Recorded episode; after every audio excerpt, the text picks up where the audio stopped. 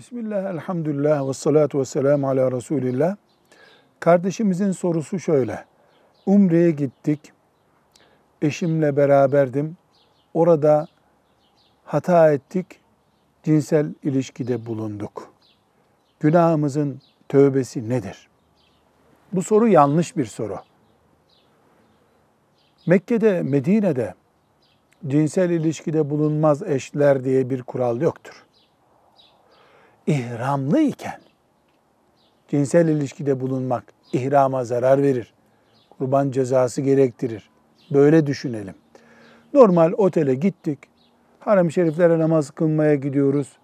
Otelde, evimizde haram bir iş değil.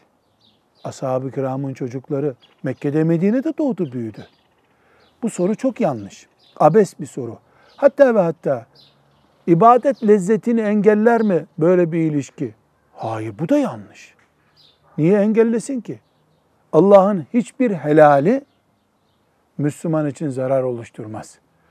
Elbette ihramlı iken ki o da zaten birkaç saatlik bir pozisyon. Ondan sonra 10 gün 15 gün Mekke'de helal olan her şey Müslümana helaldir. Velhamdülillahi Rabbil Alemin.